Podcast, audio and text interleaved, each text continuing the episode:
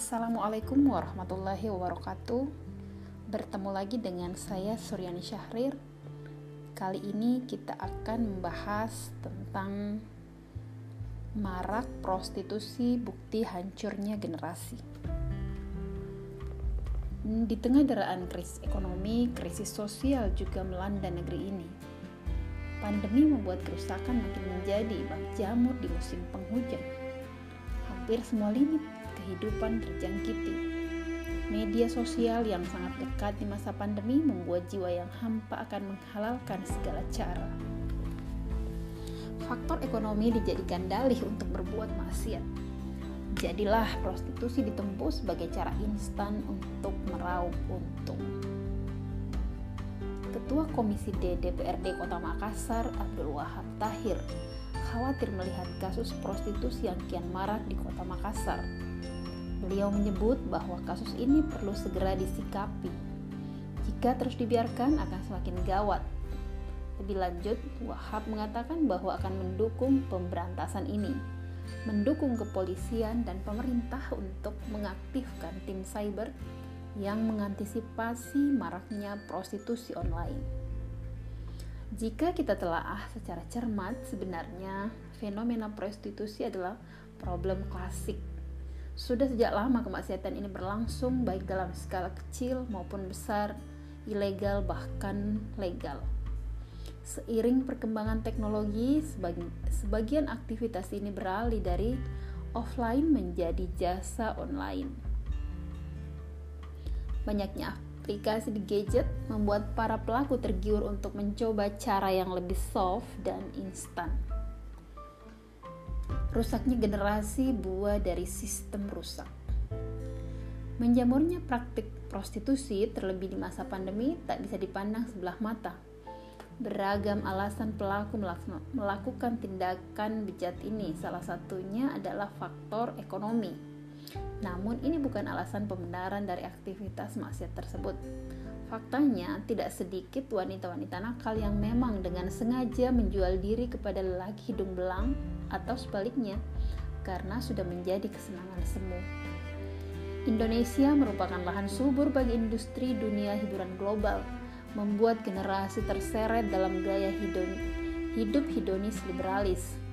Diperparah dengan sistem pendidikan sekuler yang diemban negeri ini, melahirkan generasi krisis moral Penyebaran informasi tanpa filter juga mempunyai andil besar terhadap rusaknya generasi. Begitupun mekanisme yang ada di hotel-hotel atau penginapan tidak mensyaratkan buku nikah sebagai bukti ikatan sah ketika akan menginap dalam satu kamar. Tentu hal ini menjadi peluang untuk berbuat ke arah tersebut. Menjadi perhatian bersama bahwa hancurnya generasi akibat menjamurnya prostitusi diakibatkan oleh banyak faktor, Support system yang amburadul meniscayakan berbagai kerusakan terus terjadi dan memberi uh, efek tak jerah bagi pelaku. Kompleksnya permasalahan hidup membuat sebagian orang men mengambil jalan pintas untuk sekedar memenuhi kebutuhan pokoknya. Sebagian lagi karena memang sudah menjadi habit akibat sistem rusak dan merusak. Islam adalah agama universal, mengatur semua hal sesuai fitrah manusia memuaskan akal dan menenteramkan jiwa. Sesuatu yang dilarang dalam Islam pasti akan mendatangkan kerusakan atau mafsadat. Dan sebaliknya sesuatu yang diperintahkan Allah Subhanahu wa taala pasti akan menuai banyak manfaat atau maslahat. Berasal dari zat yang menciptakan manusia dan seluruh isi semesta. Manusia dianugerahi kebutuhan dan naluri, di mana kebutuhan jika tidak dipenuhi bisa mendatangkan kematian. Berbeda dengan naluri, jika tak dipenuhi, hanya membuat gelisah. Itu pun akan muncul jika ada rangsangan dari luar. Salah satu naluri adalah naluri melestarikan keturunan atau garisa nau. Garisa ini diatur agar berjalan sesuai fitrahnya, tidak bebas liar seperti hewan. Mekanisme sistem pergaulan dalam Islam sangat sempurna, mengatur interaksi laki-laki dan perempuan secara rinci. Batasan aurat laki-laki dan perempuan sangat jelas, baik ketika keluar rumah maupun di dalam rumah. Peran negara dalam menjaga rakyat dari tontonan yang tidak layak dengan cara memfilter tayangan yang melanggar aturannya.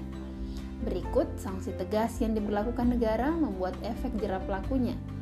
Beginilah sistem Islam menjaga agar rakyat terhindar dari praktik prostitusi. Prostitusi adalah perkara yang diharamkan. Ancaman bagi pelakunya sangat keras, hina di dunia terlebih di akhirat. Dalam sebuah hadis dikatakan bahwa jika zina dan riba sudah menyebar di suatu kampung, maka sesungguhnya mereka telah menghalalkan azab Allah atas diri mereka sendiri. Hadis riwayat Al-Hakim, Al-Bahaki dan At-Tabrani. Wallahu a'lam bisawab. Makassar 29 28 April 2021. Wassalamualaikum warahmatullahi wabarakatuh.